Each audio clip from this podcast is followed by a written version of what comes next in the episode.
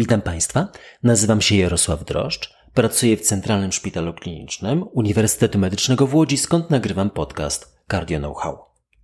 W pierwszej czterdziestce podcastów, bo nie wiem czy Państwo zauważyliście, że mamy numer 42. Mieliśmy szczęście i zaszczyt mieć jeden odcinek sponsorowany. Pamiętacie Państwo? Rozmawialiśmy o dapagliflozynie tuż przed wakacjami. Dziś rozpoczynamy drugą czterdziestkę i mam przyjemność ogłosić, że również zdobyliśmy sponsora tego odcinka, firmę AstraZeneca. Bardzo za to dziękuję, ponieważ dzięki pomocy firm możemy rozwijać kolejne elementy serwisu Cardio Know-how. A jakie? Zajrzyjcie Państwo na stronę. Jestem wyczulony na obecność sponsorowania i sponsoringu wokół nas. Ma to zawsze dwie strony. Ale przypominam sobie wykład Eugeniusza Braunwalda, nazwijmy to tak, na jednym z ostatnich kongresów ESC. Ten 90-ponadletni senior światowej kardiologii zabiera głos w ważnych kwestiach. I zdecydowanie zachęcał on do wspólnych wysiłków sponsorów i naukowców o lepszy świat, zdrowszą populację, czyli dokładnie to, co robimy w podcaście Cardio Know-how. Gdy sponsoring trafia do niezależnego zespołu, nie do jednostki, do zespołu lekarzy, specjalistów promocji, prawników, ma afiliację akademicką, bo wszystkie te kryteria spełniamy jako zespół Cardio Know-how, to nie widzę problemu. Dodatkowo zawsze o tym Państwa jasno informuję. Odcinek sponsorowany przez firmę AstraZeneca. Ale żadna z poniższych treści nie wykracza poza moje osobiste i mocno przemyślane poglądy. Dziś, zaskoczę Państwa, pobawimy się w grę planszową. Ucząc bawi, bawiąc uczy. Pamiętacie Państwo z dzieciństwa? Dla mnie to już wiele, wiele lat, ale pamiętam. I jeszcze pamiętam takie napisy na opakowaniu gry, przeznaczone dla dzieci powyżej siódmego roku życia. I nasza gra także ma swoje ograniczenia. To nie jest gra dla osób, które uważają, że współczesne leczenie przeciwpłytkowe jest optymalne, powszechnie stosowane, zgodne z wytycznymi jest bezwzględnie bezpieczne dla pacjentów, a wiąże się jedynie z absolutnie minimalnym ryzykiem krwawień. Wszyscy, którzy mają w tym zakresie jakiekolwiek wątpliwości, kwalifikują się do naszej zabawy. Ja mam wątpliwości, czy leczymy dziś prawidłowo, a w zasadzie wątpliwości nie mam. Za moment pokażę, że leczymy niezgodnie z aktualnymi wytycznymi. I to wytycznymi opublikowanymi przed ponad rokiem. Stawiam tezę, że ta powszechna praktyka w Polsce jest niestety inna. Zajmiemy się dziś najczęstszym typem zawału serca, non-STEMI. Zawał bez przetrwałego uniesienia odcinka ST. Najczęstszym? No spójrzmy, w województwie łódzkim w 2020 roku mieliśmy 1904 STEMI, i w tym samym czasie, w tych samych ośrodkach, leczonych 2830 non-STEMI. Widzicie Państwo, 60% zawałów to non-STEMI. Rok wcześniej, w 2019 roku, to było 64%. Pytanie pierwsze. Do izby przyjęć Twojego szpitala przyjeżdża 63-letni pacjent z dolegliwościami stenokardialnymi utrzymującymi się od 12 godzin. Typowe dolegliwości stenokardialne. W wywiadzie mamy typowe czynniki ryzyka, nadwaga BMI 30, palenie tytoniu, umiarkowane niepowikłane nadciśnienie tętnicze oraz cukrzyca typu drugiego leczona metforminą. Pacjent nie był dotychczas hospitalizowany, nie ma innych chorób współistniejących. W EKG widzimy obniżenie odcinka ST o 2 mm w odprowadzeniach V3, V6 z dodatnim załamkiem T w tych odprowadzeniach. Nie widzimy patologicznego załamka Q. Nie pytam, czy rozpatrujemy diagnostykę inwazyjną, bo to jest zbyt oczywiste. Naturalnie, że idziemy w kierunku koronarografii i potencjalnie przezskórnej rewaskularyzacji. Badamy troponiny, to jasne. Przed wysłaniem pacjenta do pracowni hemodynamiki ograniczasz się do ASA kwasu acetylosalicylowego? Czy dodajesz do niego klopidogrel lub ticagrelor bądź prasugrel? ASA czy ASA z inhibitorem P2Y12, a jeżeli to z jakim? No jeżeli zgodnie z wytycznymi ograniczasz się przed poznaniem anatomii tętnic wieńcowych do asa, masz prawo przesunąć pionek dwa pola do przodu. Pytanie drugie. W koronarografii stwierdzasz 90% zwężenie tętnicy gałęzi międzykomorowej przedniej oraz 80% zwężenie gałęzi okalającej w miejscu odejścia pierwszej dużej marginalnej. No i nieistotne 30% zwężenie środkowego odcinka prawej tętnicy wieńcowej.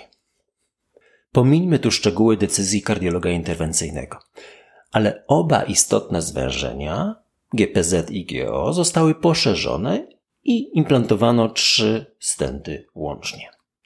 Podsumujmy. Pacjent ma podwyższone ryzyko nawrotu niedokrwienia. Jest to tak zwana złożona choroba wieńcowa, mająca jeden z poniższych czynników, a właściwie więcej. Wielonaczyniowa choroba wieńcowa, cukrzyca, leczona farmakologicznie. Ale także pacjent z nadwagą, nikotynizmem, nadciśnieniem tętniczym. Ale mamy niskie ryzyko powikłań krwotocznych. W tym zakresie nie ma żadnego uchwytnego punktu ani w wywiadzie, ani w badaniu klinicznym. Idąc dalej torem aktualnych wytycznych Europejskiego Towarzystwa Kardiologicznego postępowania w non-STEMI z 2020 roku, rekomendujesz monoterapię ASA, ASA oraz klopidogrel, ASA oraz ticagrelor, czy ASA oraz prasugrel. Jeżeli wybrałeś pierwszą opcję, samo ASA, no cofasz się niestety dwa pola na pozycję wyjściową. Jeżeli ASA i klopidogrel, cofasz się o jedno pole. A pozostałe dwie opcje są prawidłowe, posuwasz się trzy pola do przodu. Wyjaśnijmy. Prawidłowy wybór w fazie ostrej non-STEMI to ASA i ticagrelor bądź prasugrel. Klopidogrel nie jest to lek pierwszego wyboru. Jedynie nietolerancja, przeciwwskazania, brak leku kwalifikują wytycznych. Pytanie trzecie. Te same wytyczne, non-STEMI rok 2020. Mijają trzy miesiące po zawale. Twój wybór padł na kombinację leków ASA i ticagrelor. Nie stwierdzasz żadnego powikłań z powikłań leczenia, ani nawrotu stenokardii, ani krwawienia. Rehabilitacja ambulatoryjna właśnie się skończyła i pacjent wraca do pracy. Umiarkowana praca fizyczna w godzinach dziennych.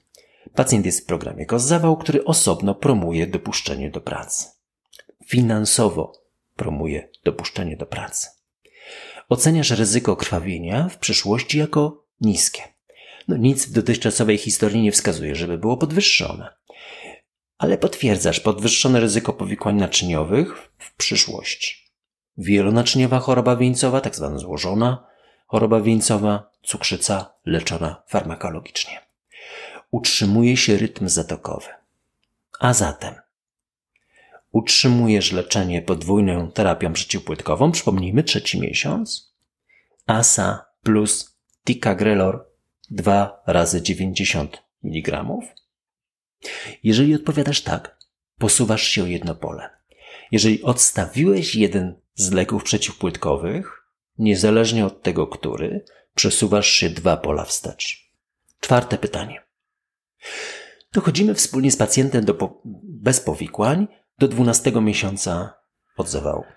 Co robimy teraz z leczeniem przeciwpłytkowym? Pacjent ma podwyższone ryzyko nawrotu niedokrwienia, jak większość naszych pacjentów, ale niskie ryzyko powikłań krwotocznych. Podobnie większość pacjentów lokuje się w tym zakresie. Pacjent przyjmuje ASA, ticagrelor 2 razy 90 mg. Jeżeli odstawiasz ticagrelor, wracasz jedno pole wstecz, postępowanie jest potencjalnie możliwe, ale nieoptymalne. Jeżeli utrzymujesz podwójną terapię przeciwpłytkową z udziałem ASA i ticagrelor 2 razy 90 mg, pozostajesz na miejscu. Jeżeli utrzymujesz ASA z ticagrelorem, ale redukujesz dawkę do 2 razy 60 mg, idziesz trzy pola do przodu. I to jest właśnie ten newralgiczny moment i zasadnicze pole niezgodności praktyki polskich lekarzy i wytycznych. Polskich, bo za granicą wygląda to inaczej. Brawo, to nie jest łatwa decyzja, ale wyniki badań oraz wytyczne pozostają nieugięte. W wytycznych Znacie Państwo, ptcardio.pl są wszystkie wytyczne w polskiej wersji, z wyjątkiem tych angielskich wersji, których jeszcze nie zdążyliśmy przetłumaczyć. W tabeli 11 mamy kryteria dużego ryzyka zakrzepowego, nawrotu niedokrwienia i innych powikłań naczyniowych. Po pierwsze, złożona choroba wieńcowa. Mamy jeden z czynników, mamy dwa. Cukrzyca i wielonaczyniowa choroba wieńcowa z dopiskiem każda. Pozostałe czynniki to kolejny zawał, tego tu nie mamy, choroba naczyniów wodowych, wiek poniżej 45 roku życia, tak zwana przedwczesna choroba wieńcowa, bądź przyspieszony przebieg, nowa zmiana w okresie ostatnich dwóch lat, ewentualnie GFR poniżej 60. A przy okazji nasz pacjent spełnia też kryteria angiograficzne. Trzy stenty, zmiana w rozwidleniu tętnic, tak zwanej bifurkacji. A wydawałoby się, że to pierwsza wizyta na kardiologii, względnie łagodne czynniki ryzyka, non-STEMI, skuteczne leczenie interwencyjne, niepowikłany przebieg. Nie mamy wątpliwości, że przedłużona terapia przeciwpłytkowa obniża ryzyko przyszłych powikłań. A jaka jest sytuacja dziś? Powikłań i nawrotu stenokardii, zawałów, udarów jest bardzo, bardzo dużo po leczeniu ostrego zespołu wieńcowego, a długoletni, niepowikłany przebieg jest rzadki. Z drugiej strony, stosowanie się do wytycznych w tym konkretnym przypadku i w tym konkretnym punkcie jest chyba najgorsze. Zdecydowanie zbyt rzadko lekarze utrzymują przedłużone leczenie przeciwpłytkowe. Pamiętacie Państwo debatę na stronach Polskiego Towarzystwa Kardiologicznego w maju 2020 roku, w czerwcu 2020 roku? Są dostępne nagrania wybitnych ekspertów. Zapraszam. Są cały czas na platformie edukacyjnej PTK. Minął od nich rok. I nadal terapia ASA i Ticagrelor Dwa razy 60 to rzadkość. A pacjenci wracają z kolejnymi zawałami na kolejne zabiegi rewaskularyzacji, bo przecież nie wyobrażam sobie sytuacji, że gdy pacjent ma już za sobą dwa kolejne zawały, rok po roku, to po kolejnych 12 miesiącach podwójnej terapii przeciwpłytkowej nie odstawiacie Państwo drugiego leku przeciwpłytkowego, bo to jest absolutnie niezgodne z wytycznymi. Utrzymujemy podwójną terapię na kolejne 6 36 miesięcy, o ile nie wystąpią powikłania niedokrwienia, a zatem nierzadko na całe życie. I dwóch kolejnych pacjentów. Po dwa, trzy pytania. To pytanie szóste. Obok powyższego pacjenta na sali niemal identycznie leczony interwencyjnie był pacjent, którego ryzyko krwawień oceniasz jednak jako wysokie. W miesiącu poprzedzającym zawał wystąpiło krwawienie z przewodu pokarmowego z górnego odcinka. Ten pacjent opuszcza szpital na rekomendowanym zestawie leków ASA i klopidogrel. Po miesiącu utrzymujesz to leczenie, czy odstawiasz jeden z tych leków? Jeżeli utrzymujesz to leczenie, cofasz się dwa pola. Jeżeli odstawiasz jeden z nich, idziesz dwa pola do przodu. Pytanie siódme. Tak, oczywiście domyślasz się o co zapytam. Który lek odstawiasz? Asa i klopidogrel. Który lek odstawiasz? Po miesiącu? Odstawiasz klopidogrel? Cofasz się dwa pola. Odstawiasz asa, kwazat stolosalicylowy. Przemieszczasz się aż o pięć pól do przodu. Jesteś oczytany i odważny. Ale poza faktem zgodności z wytycznymi zakładasz, że twoi koledzy również czytają wytyczne. Nierzadko się niestety mylisz i narażasz na komentarze, ale jesteś zgodny z wytycznymi, a co najważniejsze, absolutnie zgodny z najnowszą wiedzą na ten temat. Pamiętasz nasze omówienie wyników badania Host Exam z ostatniego kongresu ESC? Podcast American College of Cardiology właściwie. Podcast numer 19. Pytanie ósme. Mija 12 miesięcy. Ten nasz pacjent z wysokim ryzykiem krwawień szczęśliwie bez incydentów, ani krwawień, ani zawałowych, po części z powodu Twojej poprawnej decyzji utrzymania monoterapii klopidogrelem, przychodzi na wizytę kończącą program z zawał. Pacjent przyjmuje klopidogrel. Ma rytm zatokowy. Odstawiasz klopidogrel, cofasz się trzy pola. Zamieniasz klopidogrel na ASA, cofasz się dwa pola. Utrzymujesz klopidogrel, brawo, idziesz trzy pola do przodu. I narażasz się kolego, ale się nie przejmuj. Doczytają wytyczne albo zarekomenduj im ten podcast. I dwa ostatnie pytania. Pytanie dziewiąte.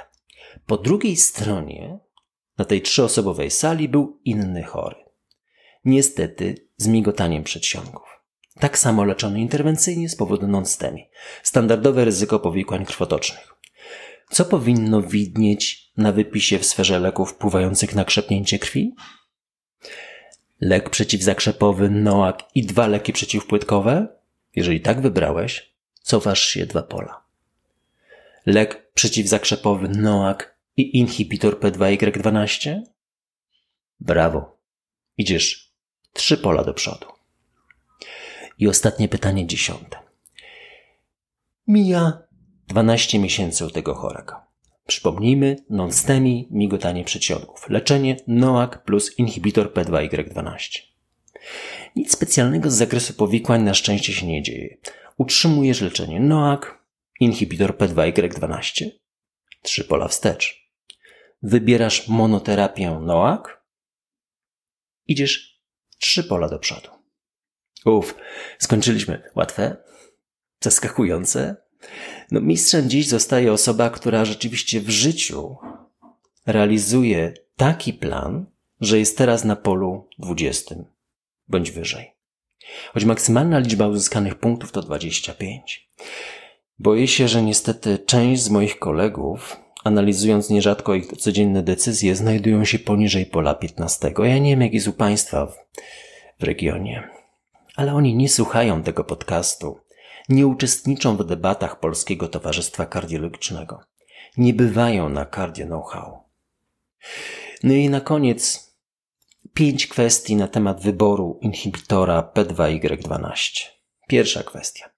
Wytyczne u pacjentów z migotaniem przedsionków i, i ostrym zespołem wieńcowym preferują klopidogrel i jest to dziś wyjątek.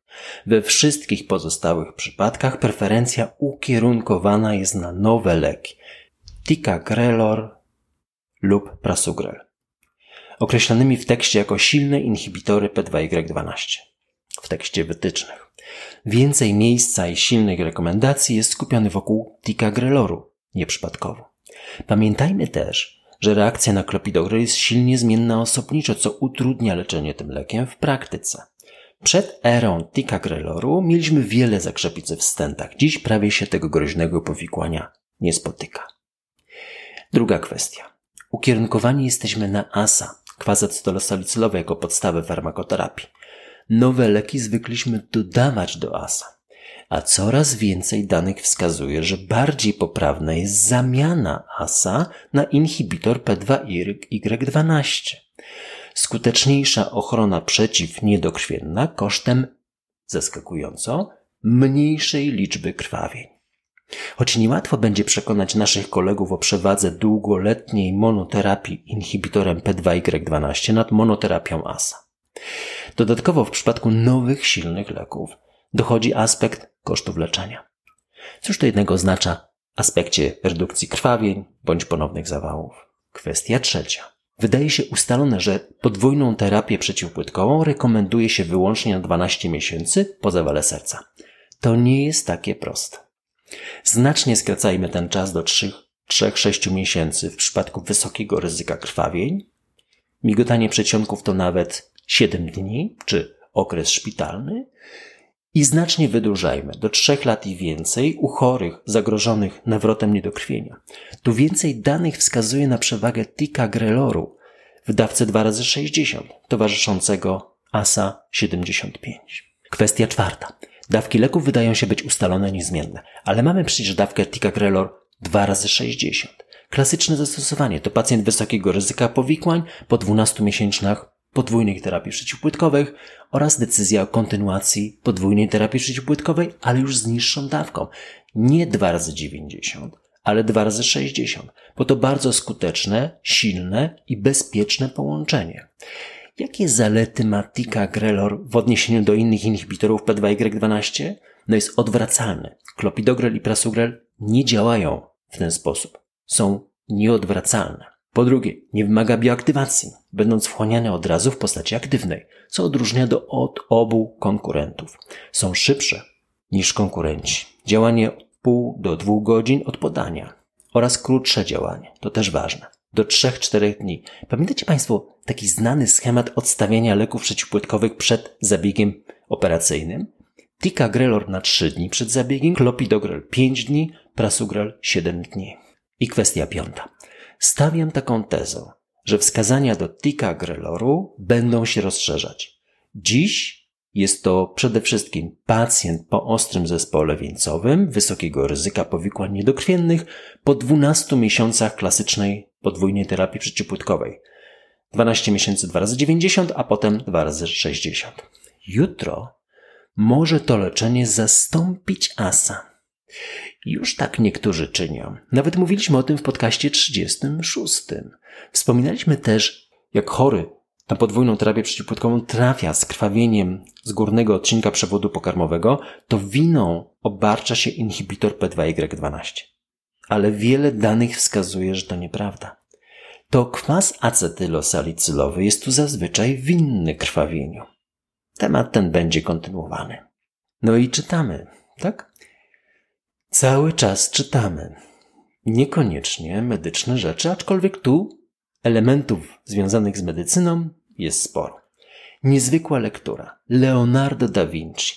Napisany w 2017 roku powieść historyczna przez Waltera Isaacsona. Jest to urodzony w Nowym Orleanie, mieszkający dziś w Waszyngtonie, były dyrektor CNN i redaktor naczelny Time. Wydanie polskie 2019, wydawnictwo Insignis, tłumaczył Michał Stryków. Dziesięć lat temu z zapartym tchem przeczytałem jego autorstwa biografię Steve'a Jobsa. Sięgnąłem niedawno po biografię XV-wiecznego mistrza Leonarda, artysty i uczonego, znakomitego obserwatora. Ważka zawisa nad jeziorem. Ma dwie pary skrzydeł, przednie i tylne. Czujne oczy Leonarda spostrzegły, że gdy jedna para skrzydeł wędruje do góry, to druga w tym samym czasie wędruje w dół. Wiedzieliście to Państwo? A widzieliście poruszające się skrzydła ważki? Jeszcze jeden przykład, dlaczego warto przeczytać tą znakomitą historyczną powieść. Z listów, maili wysyłanych przez Steve'a Jobsa zachowało się do dziś około 25%. Jak pamiętamy, zmarł on niemal dokładnie 10 lat temu, 5 października 2011 roku. A ile zachowało się charakterystycznych zapisków lustrzanym pismem Leonarda, zmarłego 502 lata temu? Taki sam odsetek, 25%. To właśnie dlatego warto pisać na papierze. I powiedział to ktoś, kto nie pozostawia śladu po swoich myślach, ani na papierze, ani w mailach, tylko w cotygodniowych podcastach. Jeżeli Państwo będziecie mieli jakieś uwagi, komentarze, pytania, kierujcie na media społecznościowe. Postaram się Cardio Know-how, oczywiście postaram się udzielić odpowiedzi. Będę też bardzo Państwu wdzięczny za promocję tego podcastu wśród lekarzy i komentarz, choćby jednym słowem. Kłaniam się.